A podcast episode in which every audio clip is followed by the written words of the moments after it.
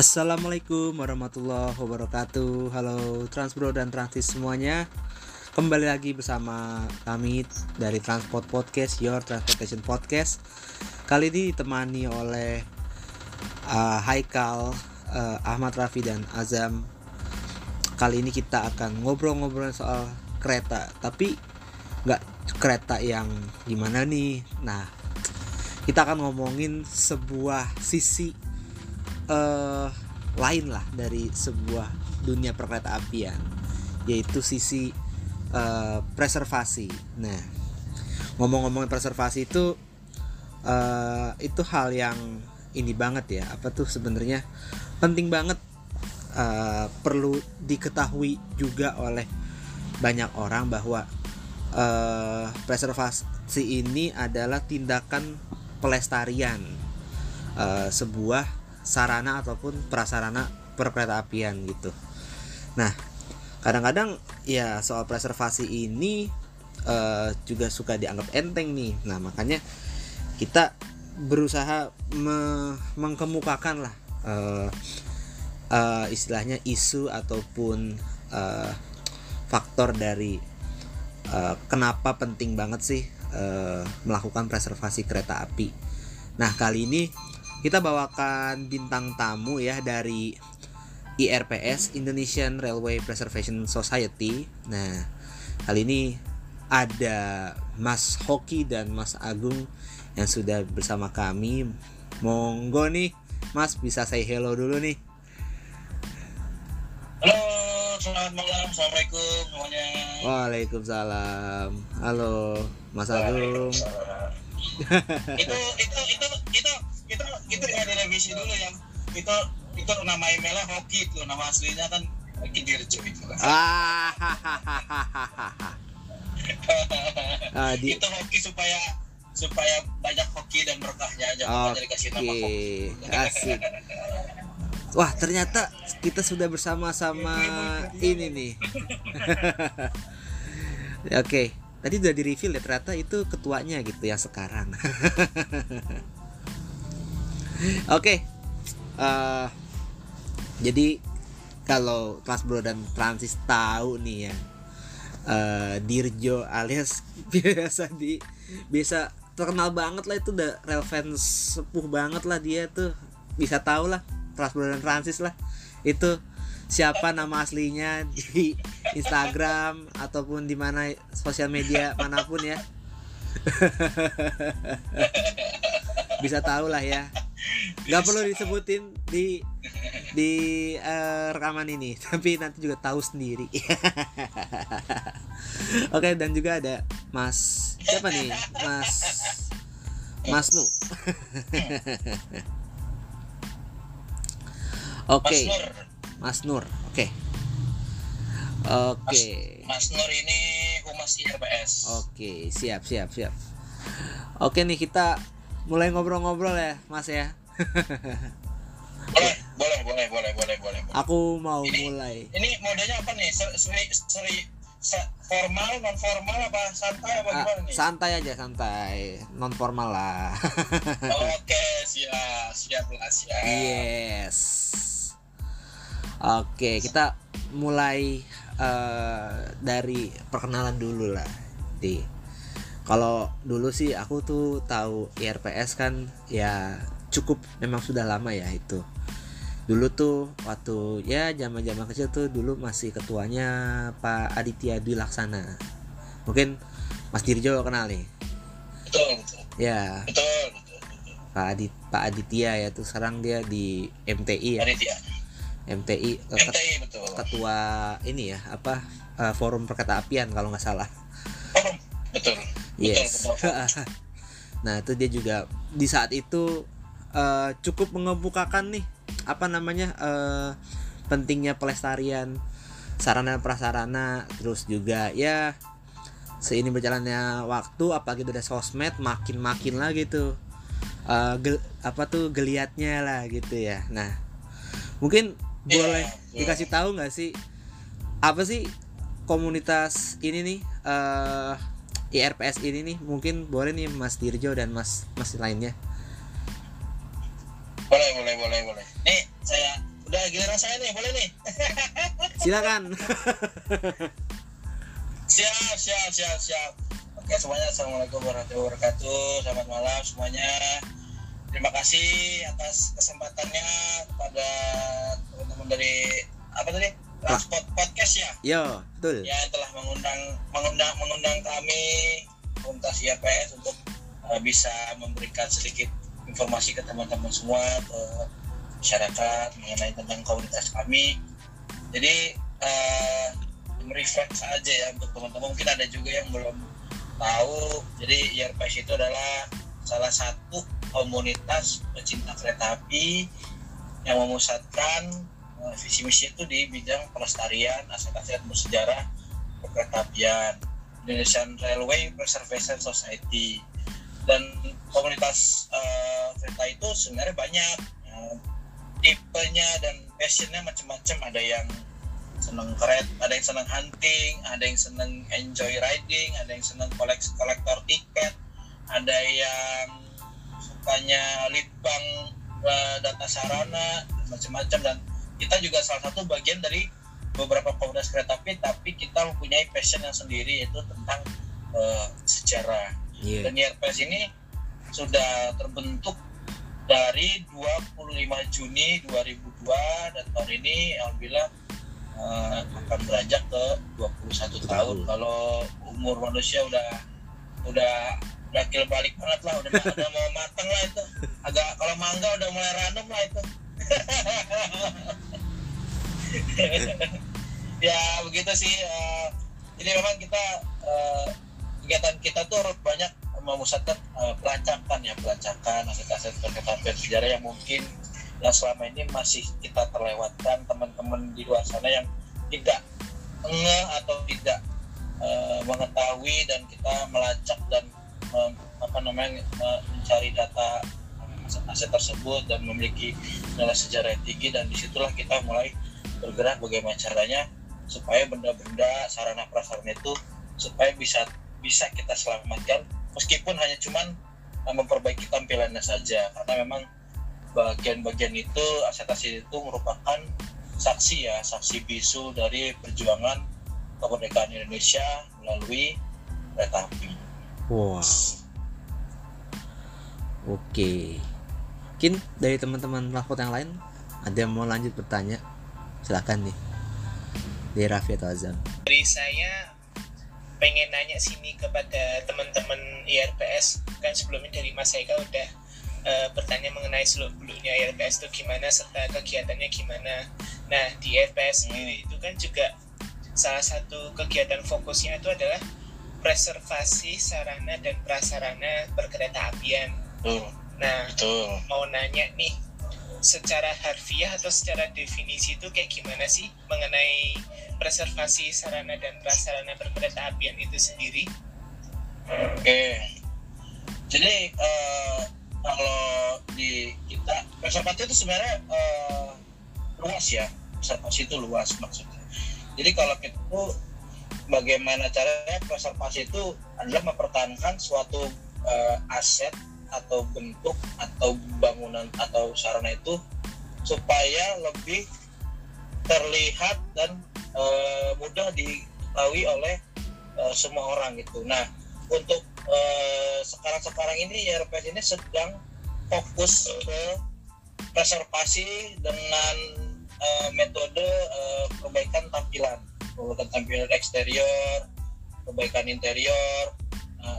Itu merupakan salah satu bagian dari preservasi juga dan juga kalau tidak dengan memperbaiki tampilannya pun orang-orang juga tidak akan uh, tahu ya kalau ini tuh udah lama ada dan dulunya seperti apa itu orang-orang nggak tahu. Nah kita tugas kita itu mempreservasi itu adalah membuat tampilannya itu memperbaiki tampilan itu seperti saat zaman-zaman awal ada itu sarana dan jadi preservasi yang sedang kita lakukan adalah uh, sementara ini adalah uh, di memperbaiki tampilan eksterior, interior, tapi untuk seperti menghidupkan itu kalau dari komunitas sih masih berat lah ya. Kayak sebenarnya kita juga ada pengen ya preservasi itu secara total ya atau secara restorasi seperti menghidupkan lokomotif yang uh, mati gitu. Tapi memang kan banyak uh, apa namanya syarat-syarat yang harus dipenuhi lah untuk menuju supaya sarana itu mungkin bisa dihidupkan kembali tapi di sisi lain mem- membuat tampilan dia lebih baik itu juga merupakan salah satu bagian dari preservasi atau menjaga dan merawat aset-aset itu wow Oh, jadi begitu ya Mas mengenai preservasi itu sendiri ya di INPS. Hmm. dan preservasi di kita juga ada ininya sih mas Eh, apa ada ada syaratnya ya. Itu bisa dilihat kita dari tiga. Itu dari jumlah umur dan jenisnya. Itu. Jadi bagaimana minimal sarana atau prasarana yang kita akan preservasi itu minimal 50 tahun. Dan jumlahnya itu tidak kurang lebih dari lima. Dan tipenya juga tidak lebih dari eh, lima. Jadi itu mungkin salah satu eh, syarat yang selama ini kita kerjakan kalau benda-benda yang mungkin kriterianya yang termasuk benda-benda yang harus kita selamatkan dengan metode itu dari umur jumlah dan tipe gitu. Itu berarti juga di jalur aktif maupun non aktif berarti ya Mas? Sarana prasarananya. Betul, selama itu kita terlihat kasat mata, selagi itu pas ki- kita identifikasi memenuhi syarat tiga itu minimal satu, itu akan kita upayakan akan kita preservasi. Tidak masuk waiting list lah gitu. siap siap. Wah, pengetahuan baru nih. Eh, mungkin Mas Azam ada yang mau ditanya ini ke Mas Dirjo? Monggo. Oh iya, pasti ada sih mas. Nih kan siap kita udah tahu ya, udah sering apa tuh melihat video dari IRPS apa aja sih kegiatan yang udah dilakuin macam konservasi menara air, lokomotif dan masih banyak lagi deh. Penasaran deh, eh, sarana dan prasarana kereta api saat ini yang perlu dilakukan konservasi itu kayak apa aja sih lingkupnya? lingkupnya ya. Kalau se pengetahuan saya ya, se sependek pengetahuan saya nggak sejauh ya. Jadi memang untuk eh, kita nih sarana tuh lebih banyak ya. Sarana-sarana uh, perkereta apian yang memiliki nilai sejarah itu saat ini masih banyak dan masih eh, harus kita eh, rawat dan preservasi dan itu memang jumlahnya itu lumayan banyak. Itu contoh saja di uh, museum Ambarawa dan Taman Mini. Itu jumlahnya itu sudah sudah sudah lumayan banyak ya. Dan itu memang tugas kita bersama PT Kereta Api bagaimana caranya supaya sarana-sarana ini supaya tetap bisa terjaga dan tugasnya juga lumayan berat ya dan itulah salah satu uh, challenging kita bagaimana cara kita bisa kolaborasi dengan PT Kereta Api supaya itu sarana-sarana yang saat ini itu sebenarnya masih banyak ya. Kalau, kalau mungkin kalau para sarana itu tidak begitu banyak lah kalau menurut saya. Ya, mungkin kayak eh, seperti corong air, terowongan itu jumlahnya itu tidak banyak dengan sarana-sarana yang masih ada dan dimiliki oleh PT Kereta. Jadi memang kalau dibilang jumlah sih dan target itu memang kita sih inginnya sih sarana-sarana yang masih ada tuh kita percantik, kita berbagus terus kita tambahkan uh, detail-detail sejarahnya tapi memang kan semua itu ada apa ya ada aturan ada aturannya dan memang kolaborasi ini tidak bisa kita jalan sendiri gitu. jadi memang butuh effort yang sama-sama besar dari dari kita YRPS dan PT Kereta Api selaku milik uh, sarana tersebut wow. Susah nggak sih mas? Itu Oke, siap. susah nggak sih mas eh, izin-izin atau bikin apa namanya eh, project kolaborasi sama KAI begitu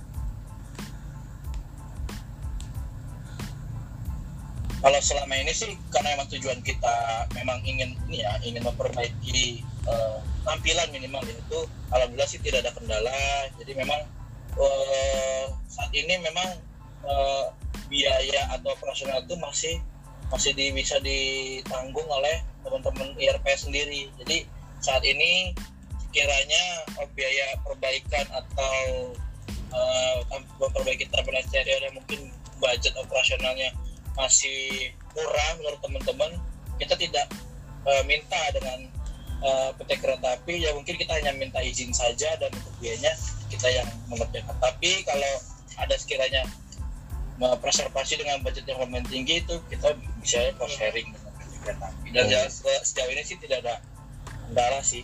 Mungkin kendalanya ya justru malah di eksternal ya kayak cuaca Oh, kalau internal itu eh, udah ini ya, udah dilakukan dari jauh-jauh hari gitu lah ya Mas ya.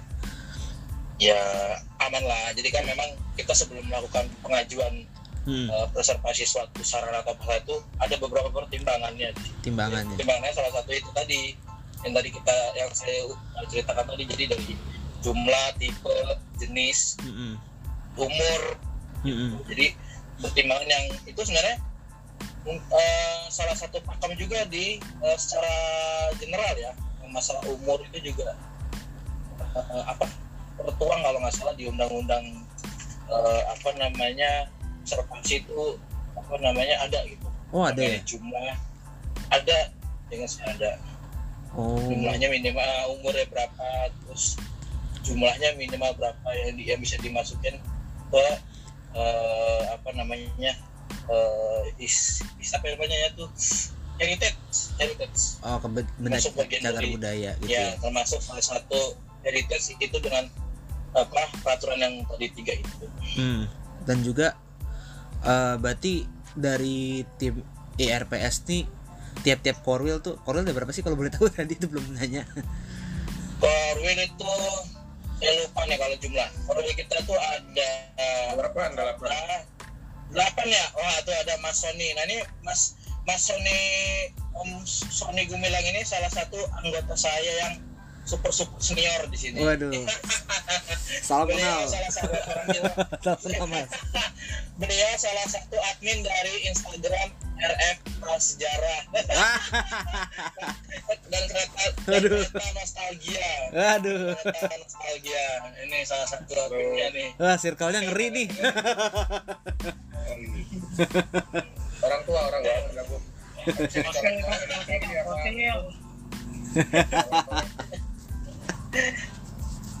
ini ada teman kita juga nih, Farhan Andi. sama jadi IRPS itu ada Jakarta, Bandung, Cirebon, Semarang, Purwokerto, Jogja, Surabaya, lalu ada Sumbar Riau. Udah delapan. Sumbar, Sumbar Riau. Sumbar Riau, Sumbar Riau jadi satu. Wah, Riau. Sumatera Barat dan Riau jadi satu. wah, Riau kan sejarah banget tuh cuman dua hari, dua hari doang untuk keretanya ada. Iya, cuman memang kalau Sumbar Riau ini kita masih eh, dari kita ini masih ada sedikit kendala untuk ini ya apa namanya regenerasi lah ya. Oh iya. jadi kita memang uh, lebih uh, lagi lagi memperbaiki lah bagaimana caranya nih untuk wilayah Sumbar Riau ini bisa ada regenerasi yang cepat ya karena memang kebetulan Sumbar Riau ini yang masih uh, pegang itu lah sepuh semua di sana. Kecuali kalau yang di Jawa Jawa ini udah mulai milenial semua lah. Kalau yang kayak Om Om Om, Om Son ini hanya tinggal mantau aja. Mentor ya, Om ya. ngeri itu gitu begitu. Berarti eh dari koril-koril itu kayak mengajukan atau misalnya eh, meeting atau inilah apa diskusi lah. Eh kira-kira di daerah sini nih di daop misalnya daop daop mana gitu ya gitu. Kita ini ada yang cocok nih buat dipreservasi nih entah itu menara air, entah itu apa tandon lah apa eh lokomotif atau gerbong dan lain sebagainya gitu ya. Mungkin bisa dijelasin nih. jadi eh, jadi memang setiap koril ini karena kita juga memang kita satu satu tahun sekali itu kita ada musang mas namanya Oh, musang. anggota. Heeh. jadi selama di momen itu jadi semua koril itu akan eh, seperti laporan pertanggungjawaban lah apa yang sudah dikerjakan dan apa yang akan dikerjakan selama satu tahun itu di situ akan di sharing semuanya di situ jadi kita selama satu tahun ini udah kebayang nih wilayah ini Hmm. caranya mau ngerjain apa ngerjain apa udah kebayang semua jadi memang kita ada ada apa ya ada namanya monitoring secara tahunan satu satu tahun sekali yang namanya eh, musang itu musyawarah anggota Oh, seperti itu ya ya ya. Oke, mungkin Mas Raffi bisa nanya lanjut lagi nih Mas Raffi.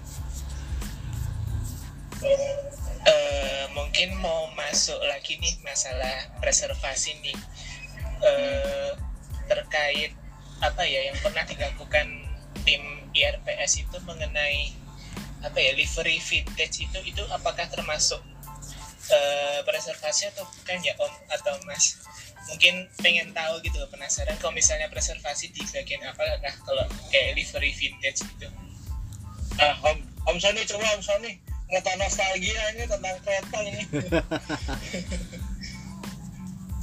Livery vintage masuk preservasi atau bukan gitu tadi ya pertanyaannya. iya betul Eh, kalau misalnya kita bilang preservasi itu kan kita mengembalikan atau merawat kembali sesuatu yang eh, sudah berusia ya, sudah berusia lama. Dan kalau kita lihat sejarahnya pada waktu saya pertama kali itu CC 20169 kan ya yang di, di Iya. vintage itu ya. betul dan waktu per- kita harus melihat sejarahnya lagi kalau misalnya kita menentukan bahwa ini termasuk preservasi atau bukan kita kan ada upaya untuk mengembalikan mendekati kondisi aslinya jadi kalau misalnya kita lihat CC 20169 waktu pertama kali sampai ke Indonesia kan menggunakan livery di PJKI bukan merah biru. Bukan eh orange biru ya bukan bukan eh, Putih. muka ya. Jadi kalau misalnya eh, kita mengembalikan ke kondisi aslinya itu bisa kita mendekati kondisi aslinya. Kita bisa anggap itu sebagai langkah preservasi berbeda misalnya CC 206 kita cat dengan livery PJKA itu bukan bukan preservasi karena tidak pernah ada sejarahnya CC 206 itu atau CC 205 itu menggunakan livery vintage atau livery uh, hijau. Ya. Jadi tanya mungkin ini akan jadi polemik yang akan di, eh, kan CC 20169 masih operasional gitu kan apa harusnya yang dipreservasi kan aset-aset yang sudah tidak tidak produktif gitu. Nah ini kan tinggal kita mau mengunci wacananya di mana. Ya, pribadi bagaimana kita me- mengembalikan merestorasi eh, suatu sarana atau prasarana ya eh, mendekati kondisi aslinya atau syukur-syukur seperti kondisi aslinya itu sudah bisa dikategorikan sebagai upaya preservasi. Jadi tidak perlu menunggu sarananya atau prasarananya ini non aktif untuk kita sebut atau kita kategorikan sebagai preservasi. Ya paling eh, pendapat saya sih dari dari perspektif saya demikian ya. Kalau mungkin kalau ada yang lain teman-teman mungkin Mas Agung yang sama-sama juga senior kayak saya juga dari teman saya nih yang senior. Oh ini ada, wah ini ada Mas ini juga sama seniornya. Eh, apa namanya paling apa namanya pendapat saya seperti itu ya. Jadi pasti. Nah itu Mas Nur mengangkat tangan tuh. Silakan Mas Nur. Eh, ya kembali lagi seperti apa eh, untuk CC 201 yang dikembalikan ke Riveria awal sih ya itu tergantung dari mana seperti Mas Oli bilang dari mana sudut pandangnya bisa dibilang preservasi bisa di, eh, bisa juga dibilang eh, enggak gitu tapi kalau menurut kami sih itu sebuah preservasi terhadap aset yang masih beroperasi sih. Menurut teman-teman IRP sih seperti itu. Karena kan livery vintage tuh sekarang aplikasinya sudah menyebar ya. Nggak cuma di sesi Iya. 301, ada BB304 juga, terus kemudian BB302, dan banyak lagi aset-aset yang mungkin yang masuk termasuk kategori non aktif yang sudah dikembalikan ke livery vintage-nya. Tapi yang jadi eh, concern kita di RPS itu adalah memang eh, livery vintage itu nggak bisa sembarangan. Jadi ada pakemnya, bahkan warnanya pun tuh juga ada panduannya. Hmm. Jadi kalau ibaratnya kalau kita ngecat mobil itu eh, kita kembalikan ke warna orisinal pabriknya itu nggak bisa sembarangan. Jadi kita harus lihat warna aslinya kayak gimana gitu. Nah, memang sih eh, kita harus menghargai upaya eh, istilahnya apa ya antusiasme teman-teman di di KAI yang wah ini livery vintage ya gitu eh, lagi lagi ngetren semangat preservasinya itu eh, muncul gitu setelah setelah eh, pertama kali eh, Bang Dirjo itu dengan dengan proposal yang mau me- krem hijaukan CC201 nah tapi ya memang ada beberapa yang harus diperhatikan kayak yang di Sumatera Barat itu terus kemudian juga mungkin yang di BB3 uh, BB302 sempat terjadi juga ya uh, polemik juga. Uh, kita memang secara organisasi sangat memegang teguh uh, apa namanya pakem-pakem kesejarahan. Jadi kita nggak bisa serampangan, nggak bisa asal tabrak aja. Yang penting krem hijau, ada roda sayap gitu. Nggak bisa kayak gitu juga. Gitu. Kita harus lihat. Uh, kita contoh ambil contoh aja CC 200 lokomotif diesel pertamanya DKA zaman itu kalau kita menganut krem hijau, ya krem hijau. Tapi kita lihat di tahun berapa krem hijaunya. Karena CC200 itu mengalami empat kali pergantian livery krem hijau. Jadi dengan dengan berbagai macam pola variasinya yang berbeda-beda. Gitu. Nah ini balik lagi kita mau ke eh, ke tahun atau ke era atau ke masa yang mana. Jadi nggak bisa sembarangan kita leng sampai teman-teman kita ada yang cukup detail untuk tahu lengkungan garisnya itu jatuhnya harusnya di mana hmm. ya terus kemudian garisnya berbeloknya di mana bentuk roda sayapnya seperti apa itu tuh semuanya uh, ya syukur lah kita punya punya dokumentasi yang bisa kita bilang cukup lengkap. Gitu. Jadi kalau seandainya uh, teman-teman di KHI ingin melakukan preservasi dan kontak dengan kita, wah kita dengan senang hati, nggak, nggak perlu bayar ya Mas Dirjo ya, kita akan bantu gratis tis untuk menjadi konsultan atau saran supaya kita bisa mendekatkan uh, upaya mereka ya uh, livery vintage ini ke sinilnya seperti itu. Kita semua sih alhamdulillah uh, cukup lengkap juga ya beberapa panduan vintage itu nggak cuma untuk 201 aja ya untuk hmm. tipe-tipe lokomotif kita juga ada sih. Bukan vintage aja, promka pun juga kita ada gitu. Jadi gimana caranya yang mau di konservasi yang mana kita siap gitu kalau kita sih. Kita tidak minta um, bayaran apa pun lah dengan uh, panduan-panduan tersebut. Bagi ya, yang penting kita tuh tujuan preservasi yang tercapai dan salah satu mengembalikan warna fintech itu adalah bagian dari upaya preservasi juga. Mengenang sejarah. Mengenang sejarah. Hmm. Hmm, dari situ berarti ya? Mungkin cukup menjawab ya Mas Ahmad Rafi ya. Oh iya baik. Cukup ya. terjawab sekali dan uh, jadi pandangan baru gitu loh mengenai livery vintage di KAI sendiri dan itu juga inovasi dan pergerakan dari tim IRBS uh, sekiranya dari tim IRBS sendiri dalam waktu dekat ini ada apa lagi nih yang sekiranya mau dipreservasi sarana atau prasarana dari KAI?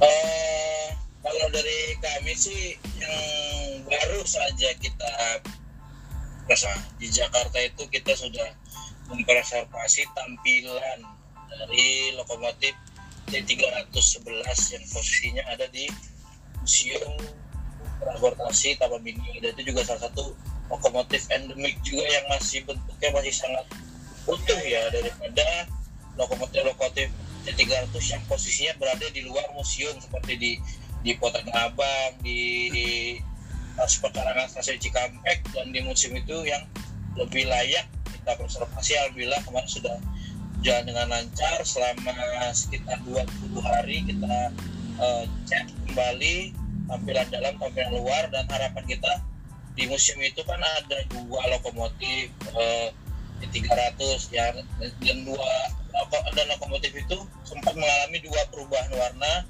di era fintech dan perumta harapan kita sih uh, kita juga punya program satu lagi untuk si 300 di sana dengan delivery perumka yang mungkin satu lagi mudah-mudahan bisa kejadian lah tahun ini. Dan setelah itu baru juga kemarin kita sudah menyelesaikan uh, salah satu sisa ya benar-benar sisa dari uh, jalur Cirebon ke Kadipaten itu rumah pompa ya rumah pompa di pas uh, Bongas di Majalengka. Dan itu hmm. posisinya itu ada di pinggir jalan di lintas Pantura Majalengka itu. Dan posisinya cuma hanya sebuah rumah ya rumah. Namun memang sayangnya tuh uh, dari sekian lintas itu hanya itu yang masih bisa kita selamatkan.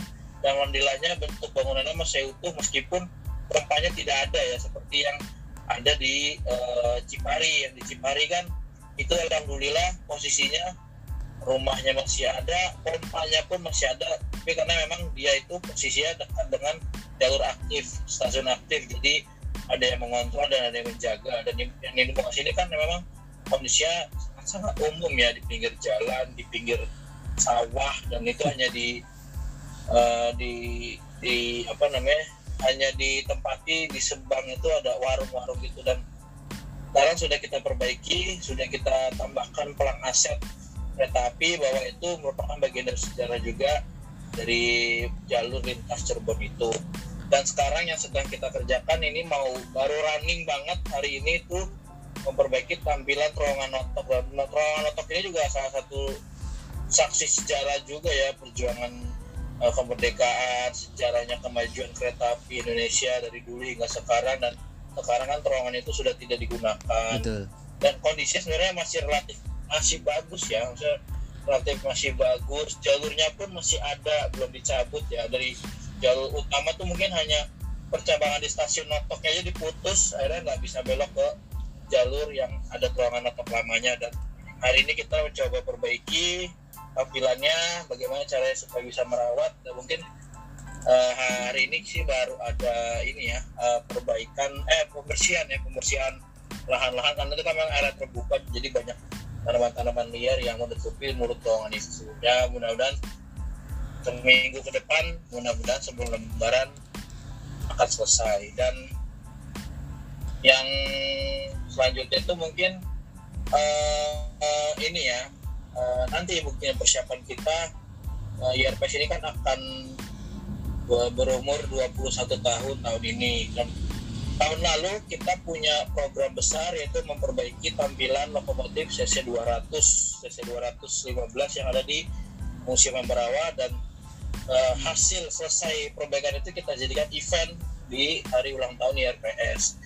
Mengapa CC 200 saat itu? Karena memang CC 200 itu dulunya adalah cikal bakal mulainya IRPS itu terbentuk. Jadi beberapa orang saat itu mengusulkan supaya CC 200 itu bisa dipreservasi atau diselamatkan kondisinya yang cukup parah dan akhirnya di apa ditindaklanjuti oleh PT Kereta Api dan situ mulailah ada hasrat-hasrat yang lain dari teman-teman kita termasuk Om Sony yang dulu mungkin lebih paham dari saya sejarah sejarah IRPS itu. Makanya saya 200 itu kemarin kita sebagai program dalam rangka hari ulang tahun IRPS ke-20 dan yang tahun ini kita rencananya akan membuat uh, miniatur. Miniatur dengan media cetak 3D 3D tiga dimensi terbesar. Terbesar di Indonesia. Rencananya itu kita akan membuat lokomotif DD 52 Cigombar ya Om ya ya Cigombar ya? Cigombar dengan ya. kalau kalau di skala itu satu banding 4 kalau di meter mungkin 6 meter kali dua. Itu dan lokomotif itu akan kita rencananya program andalan kita itu akan kita masukkan ke ke rekor muri. Nah jadi kita akan membuat rekor muri dengan membuat miniatur terbesar lokomotif DD52 yang ada di Indonesia dengan metode printing sebagai rekorisnya adalah IRPS dan PTKI yang mudah-mudahan uh, berjalan lancar caranya kita akan uh, running di bulan Juni dan sekarang masih proses uh, uh, apa namanya koordinasi lah dengan PT Kereta gitu sih mas. Oke, mungkin nih Wah, Henok nih.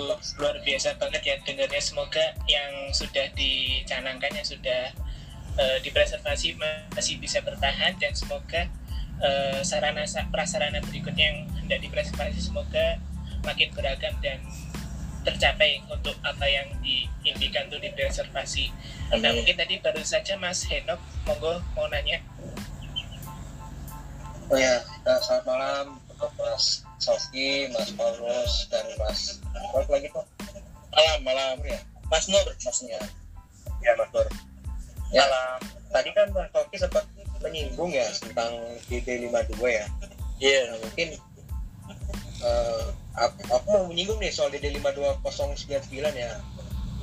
Apakah IRPS sendiri uh, ada gak kepikiran ke sana gitu untuk mencoba ini kan uh, istilahnya masih susah untuk dihidupkan gitu apakah ada rencana untuk uh, mencoba untuk preservasi secara visualnya gitu mas atau mungkin secara bentukan lainnya mas gitu. Enggak, Om Sony dulu, Om Sony dulu nih. Jadi di, di 52099 ya. Yang yang mau kita bikin miniatur tuh di di 52. Jadi eh itu dua dua jenis lokomotif yang berbeda. DD52 itu lokomotif terbesar dan terberat, lokomotif kuat terbesar dan terberat yang pernah ada di Indonesia, tapi sama sekali habis eh, tidak bersisa Hmm. uh, di Cincang habis. Nah kalau di 52099 itu dari 100 unit tinggal satu itu. Uh, kalau nggak salah uh, ini aku nggak bisa ngasih informasi ini terlalu detail karena uh, ini juga mungkin harus perlu dikonfirmasi dengan pihak-pihak terkait ya. Tapi kondisi D52 itu sebenarnya sangat sulit untuk dihidupkan kembali. Gitu. Tapi detailnya seperti apa? uh, itu mungkin yang lebih berwenang orang yang mengerti teknis ya. Jadi uh, waktu itu kita pernah uh, kereta nostalgia, terus kemudian sama roda sayap, uh, sama medari itu pernah bikin uh, khusus untuk D52 kita bikin uh, YouTube. Uh, itu ada penjelasan dari Mas Ardian yang terlibat dalam proyek uh, juga, kemudian terlibat juga dalam proyeknya C12 uh, dia yang mengerti lah kondisinya dan dia sempat terlibat pada survei awal untuk pengaktifan kembali E1060 ya yang di Sumatera Barat. Nah dia mungkin lebih mengerti tentang teknis dan waktu itu detailnya juga sudah cukup dipaparkan uh, banyak sekali. Saya nggak berwenang untuk menjelaskan di sini tapi secara garis besar di 5209 bukan tidak mungkin dihidupkan tapi kondisinya sekarang sangat berat untuk dihidupkan dan membutuhkan biaya yang sangat besar. Menghidup dan sembilan aku rasa Bang Dirjo harus jual ginjal tuh kayaknya. Ya aduh, jual ginjal aja udah nggak laku. Udah separuh ya harganya. Udah kotor ginjalnya. Mungkin upaya upaya mungkin upaya kecil itu adalah itu, itu sih apa upaya kecil kita mungkin ya yang tadi itu yang mendasar mungkin yang paling bisa kita lakukan adalah memperbaiki tampilannya saja tapi untuk lokomotif yang di 52 itu juga sebenarnya juga lumayan ini juga ya lumayan besar juga budgetnya. Jadi mungkin itu mungkin kita harus bisa uh, kolaps dengan pihak-pihak terkait untuk melakukan realisasi itu sih. Tapi itu semua tuh sudah terbayang mas. Sudah ada di list list kita tapi kita memang kan merunut ya mana prioritas kita yang mana dulu mana dulu ini yang bisa sendiri ini yang mesti kolaborasi ini yang bisa jalan sendiri gitu sih Oke mas, aku uh, ya terima kasih mas atas uh, sanggahan dan jawabannya. Soalnya agak gimana ya? Uh, kondisinya juga sih emang begitu ya di di, di 5209 ini ya. Apalagi kan statusnya sebagai kereta kepresidenan kan ya kok apa istilahnya seenggaknya terawat lah gitu istilahnya gitu mas. Ya, sebenarnya di 5099 itu pernah kita survei ini sebelum Bang Dirjo masuk ke RPS ya. Jadi ini sedikit mundur ke sekitar tahun 2000. Uh, Nur Rahman juga ikut tuh, aku ingat banget. 2006 ya Nur ya kalau nggak salah ya. Kita bawa masinis masih pensiunan masinis PJKA yang uh, sempat mengoperasikan D52. Waktu itu uh, kita datang ke Taman Mini bareng Mas Hedwig, Pak Budi BS, itu ada dua orang pensiunan di masinis D52 kita ajak karena wacana pengaktifan kembali D52 itu udah panjang sekali udah lama sekali gitu. Dan kemudian kita uh, uh, melakukan sedikit survei kecil-kecilan lah. Jadi uh, bukan bukan survei resmi yang dengan orang-orang teknis tapi kita ingin melihat uh, pandangan dari para pensiunan masinis PJKA ini yang pernah mengoperasikan D52 gimana sih kondisi realnya D52 ini sebetulnya? Itu dari kesimpulannya sih sebetulnya eh, rangka secara keseluruhan masih baik ya. Tapi yang paling menantang adalah eh, kondisi ketel ya ketel terus kemudian tungku api dan dan sebenarnya D52099 ini kan aslinya dia menggunakan bahan bakar minyak residu. Dan minyak residu itu menggunakan in, nah eh, dari injektor dia masuk ke tungku api. Ada firebox. Nah kondisinya eh, bertahun-tahun injektor itu eh, sudah tidak berfungsi dan sebetulnya sangat sulit untuk diperbaiki. Kecuali eh, D52099 itu akan dikembalikan menggunakan eh, bahan bakar batu bara atau kayu bakar. Namun harus diganti dinding dalam eh, fireboxnya tungku apinya. Karena itu yang sekarang saat ini kondisi dalam dinding tungku apinya itu didesain atau dirancang untuk menggunakan bahan bakar minyak residu. Begitu. Jadi cukup banyak sih sebetulnya dan cukup rumit eh, ininya apa namanya eh, modifikasi dan harus perbaikan perbaikannya itu apalagi sudah kondisinya sudah cukup tua ya D52 itu ter- eh, 099 itu kalau nggak salah dia datang antara tahun 51 atau tahun tahun 51 ya Waduh. dan udah cukup berusianya udah cukup eh, tua gitu jadi ya itu tadi balik lagi eh, kalau kita yang bisa dilakukan kalau aku nggak bisa jawab ya apa yang bisa dilakukan oleh PS karena Mas Dirjo yang lebih berwenang untuk menjawab tapi dari segi kesejarahannya di 52 itu memang bisa kita eh, restorasi secara kosmetik namun kalau untuk dihidupkan kembali sangat berat kalau dari nilai kesejarahannya ya tentu saja D52 adalah lokomotif uap pertama yang dibeli pasca kemerdekaan Indonesia dan yang membeli juga adalah pemerintahan Bung Karno waktu itu. Sehingga ini termasuk salah satu lokomotif yang harus dipreservasi. Paling perspektifnya seperti itu. Tapi untuk menghidupkan kembali, aku nggak bisa Berat, berat. berat lah sebenarnya. Oke. Oh belum, siap-siap. Ya, lanjut lanjut. Lanjut lanjut. Oke, eh, tadi kan ada tuh ya wheel di bagian Sumatera itu ada Sumbar sama Riau.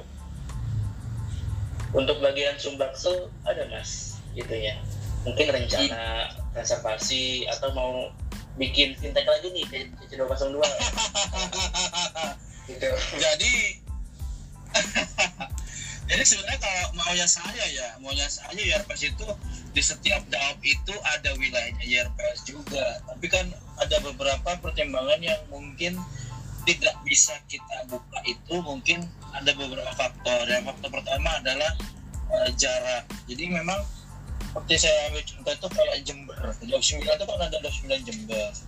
Tapi keanggotaan itu itu sebenarnya masih bisa kita merger dengan Daop 8 Surabaya. Dan kebetulan di Surabaya itu juga ada IRPS eh, Surabaya. Dan anggotanya pun lebih banyak di sana. Jadi eh, apa namanya salah satu faktor yang mungkin tidak bisa kita buka di sana seperti itu. Dan kedua adalah adanya komunitas lokal yang sama dengan kita. Maksudnya dalam arti sama itu mempunyai passion yang sama atau mempunyai apa ya kalau komunitas lokal itu biasanya kan lebih lebih ya mohon maaf ya misalnya lebih senior lah daripada kita yang ada di Pulau Jawa. Seperti di Sumatera bagian selatan itu kan ada beberapa komunitas itu yang lebih punya nama lah daripada IRPS di sana. Jadi kita tidak mau uh, IRPS itu asal-asalan buka di sana nanti takutnya difikirnya itu kita ingin mengambil ya mohon maaf seperti mengambil pangsa pasar lah pangsa pasar komunitas di sana nama-nama menjual nama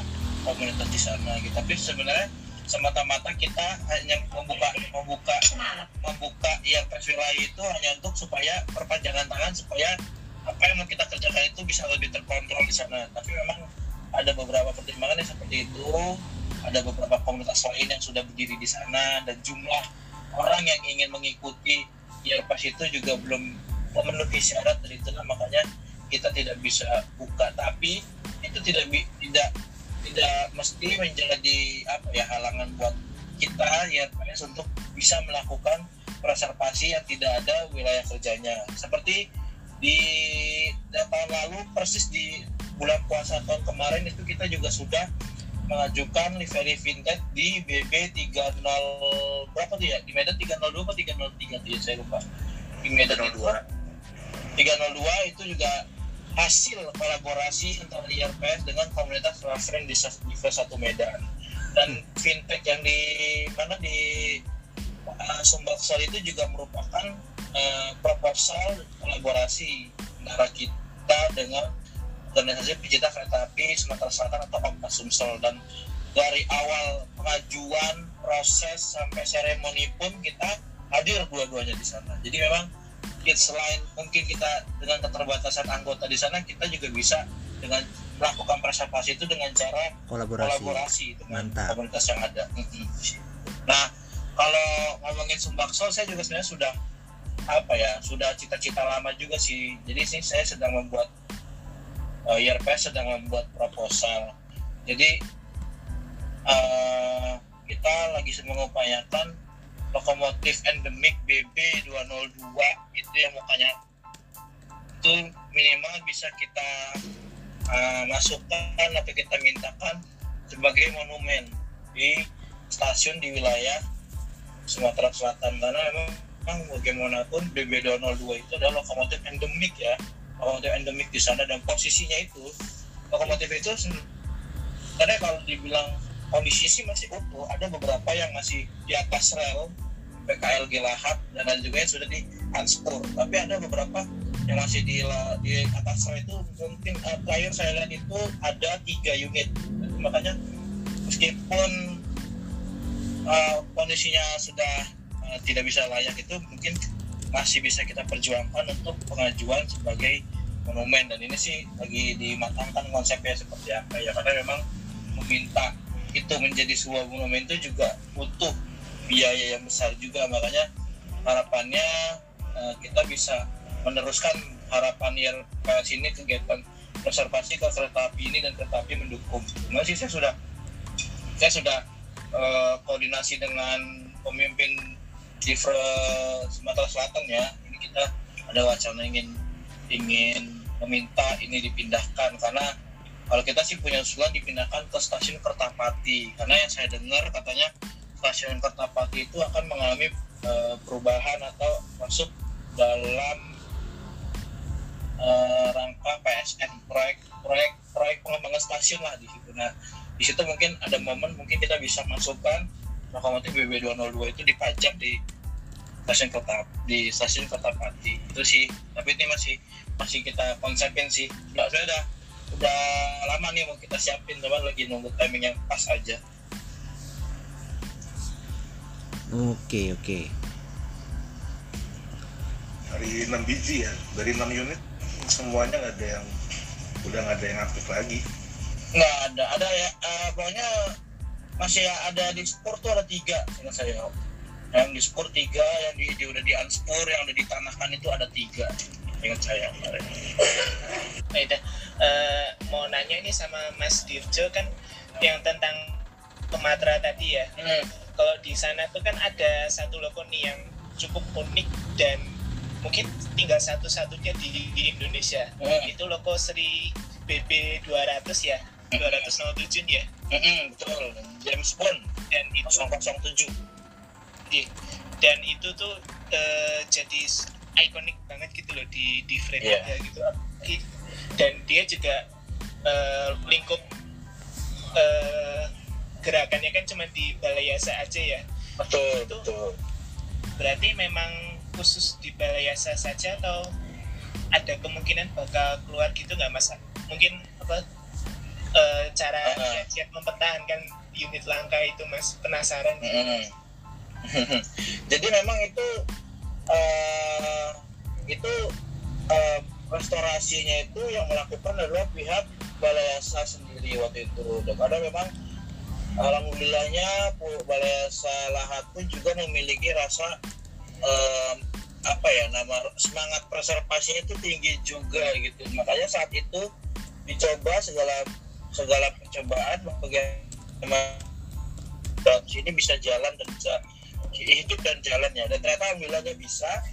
Dan memang sebenarnya untuk kapasitas itu mungkin karena memang mesinnya itu sudah tidak dibuat lagi di pabriknya jadi memang yang dilakukan adalah mungkin melakukan kanibalisme eh, mesin-mesin yang masih bisa digunakan. Dan sekarang kalau ditanya itu apakah bisa pergi lebih jauh dari balasa itu mungkin saja bisa mungkin saja bisa. Tapi dengan itu tadi dengan mungkin biaya yang lebih cukup tinggi membeli mesin yang baru untuk aslinya yang tidak modifikasi itu juga banyak perhitungannya juga.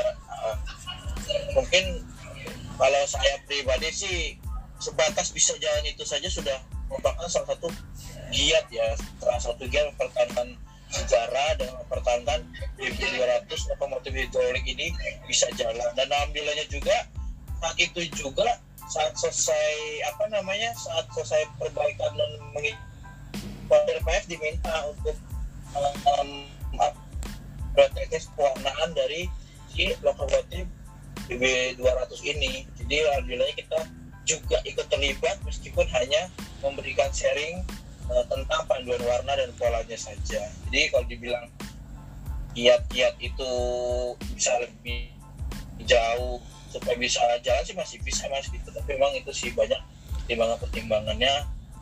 Uh, ya salah satunya itu biaya karena bang itu kan lokomotif itu sudah sudah tua dan tidak uh, suku sedangnya itu sudah susah lah ya sudah susah di pabrik aslinya dan mungkin sudah bisa jalan pun bisa warawiri langsir di bala salah itu sudah cukup sih ya, bagaimana caranya uh, harapan kita dari IRPF kepada pihak PT Kereta Api khususnya Balai bisa konsisten ya merawat dan apa namanya mengkontrol atau memantau lah setiap uh, pergerakan CBB, dua ratus ini. Oke okay, oke. Okay. Oke, okay, makasih banyak Mas ini. Semoga harapan juga sih BP207 itu bisa bertahan lebih lama agar ya, amin. berbagai kalangan bisa melihat atau mengenang nostalgia dengan lokomotif BP200 yang tersisa satu saja gitu di, di ya. meskipun harus telahat dulu ya. Iya. Iya. Iya. Iya. Oke. Eh, tadi Azam ya monggo siap mau nanya tadi ya? Iya Azam. Monggo Zam. Tuh. ya. Jadi gini mas. Eh, kan emang sering ini ya sering hunting lah sama teman-teman RF di Lampung nih. Mereka juga Hmm. mas Tuh juga peduli sama reservasi. Nah mereka tuh bingung nih. Langkah apa yang mereka harus lakuin. Sementara kan ya mereka macam-macam. Ada yang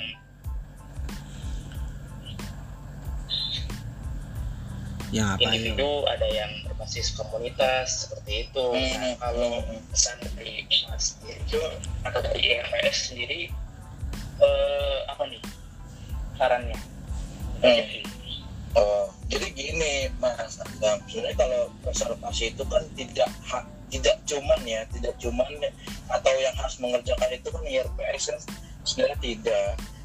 Teman-teman yang di luar non IRPS pun bisa melakukan hal itu. Yang paling mendasar mungkin adalah pelacakan. Jadi kita misalkan lihat sesuatu yang uh, benda yang ini asing lah buat kita. Nah di situ kita mulai melacak uh, foto, mendetail, mencari informasi dan apa menentukan lah seperti yang tadi saya bilang dari umur, jenis atau tipe. Dan itu mungkin bisa dilakukan sendiri kalau non komunitas IRPS maupun pribadi. Nah uh, mungkin sa- kedua bisa juga ya hal apa-apa yang sudah ditemukan di di sana bisa diinfokan ke IRPS juga bisa. Jadi nanti tim IRPS akan menindaklanjuti temuan tersebut. Jadi tim kita akan datang ke sana, kita akan melakukan pelacakan dan apa inventaris, mencari sejarahnya itu juga bisa. Dan mungkin salah satu yang terakhir tanpa IRPS pun juga mungkin bisa dari komunitas non IRPS bisa mengajukan langsung upaya konservasi itu dengan uh, tapi Lampung apa di empat ya di atau di tiga tuh kalau saya lupa. Langsung ke sana tuh juga nggak bisa dan mungkin kalau mau uh, konsultasi dengan IRPS bagaimana metode cara pengajuannya draftnya seperti apa cara mengajukan seperti apa mungkin bisa uh, koordinasi atau kontak ke kami itu bisa. Jadi sebenarnya kegiatan reservasi itu melacak pun itu sudah salah satu bagian dari upaya ya. Mengidentifikasi satu jenis sarana dan prasarana itu juga salah satu bagian dari uh, upaya preservasi. Dan selanjutnya bagaimana kita menindaklanjuti hal tersebut. Kalau kita ajukan sendiri itu pun boleh mengajak IRPS untuk uh, melakukan kegiatan itu juga boleh mengajukan sendiri dengan komunitas lain pun itu juga boleh. Karena itu juga salah satu upaya ya yang gerakan mendukung lah preser- berarti emang eh, fokusnya adalah Nyampe nggak ya suara saya tuh? nyampe nyampe nggak mas? nyampe nyampe Penjelasan saya mas? Oke nih, eh, mungkin eh, ini sebagai terakhir ya. Ini sebelumnya nih aku bilang makasih banget nih dari RPS atas penjelasannya yang mantep banget eh, apa itu terkait preservasi ternyata tuh dalam banget lah ya. Nah, aku mau tahu dong nih sebagai terakhir nih eh, closing statement eh, baik itu entah harapan kah atau eh, apa pun dari IRPS terhadap eh lingkup preservasi sarana dan prasarana perkereta apian nih mungkin Mas Dirjo mungkin nih boleh nih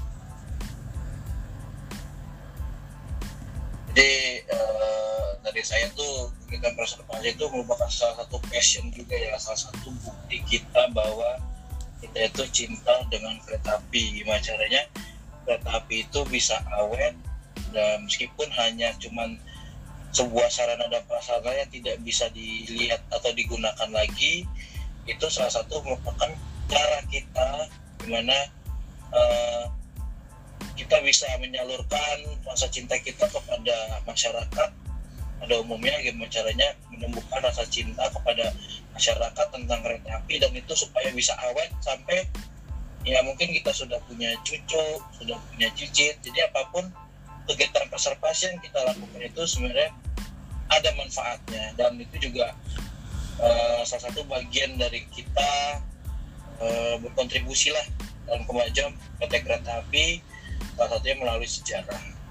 Oke Jadi jangan pernah apa ya, jangan pernah bosan-bosan, jangan pernah capek-capek, dan juga mungkin secara umumnya itu jangan pernah malu dengan eh, apa pun hobi kita gitu. Kayak misalnya kita eh, apa namanya suka kereta api, eh, suka bis, suka pesawat, segala macam-macam itu karena hobi itu adalah merupakan bagian dari eh, passion kita dan itu bisa eh, mendewasakan diri kita. Dan juga un- keuntungan dari kita juga bisa menambah relasi, menambah wawasan kita terhadap eh, dunia luar. siap siap. Oke terima kasih nih Mas Dirjo dan teman-teman IRPS atas penjelasannya dan informasi dan perspektif yang baru nih terkait preservasi nih Ya, sukses selalu ya, sama-sama. Mohon- untuk mohon, mohon maaf, mohon maaf kalau penjelasannya ada yang nggak pas atau sinyalnya yang naik turun jadi kurang mantep lah. nggak apa-apa nggak apa-apa mas oke makasih banyak nih semoga IRPS selalu jaya selalu Terima kasih banyak. Amin, amin, amin. Oke Jangan lupa nanti kalau ini ah, datanglah acara ulang tahun IRPS lah. Siap. Di- 21. di mana itu Nah, rencana di Semarang. Rencana di waduh Semarang. wah Semarang tuh Vi. Oke oke. Mungkin itu aja dari kami. Eh, mohon maaf atas kekurangannya. Assalamualaikum warahmatullahi wabarakatuh.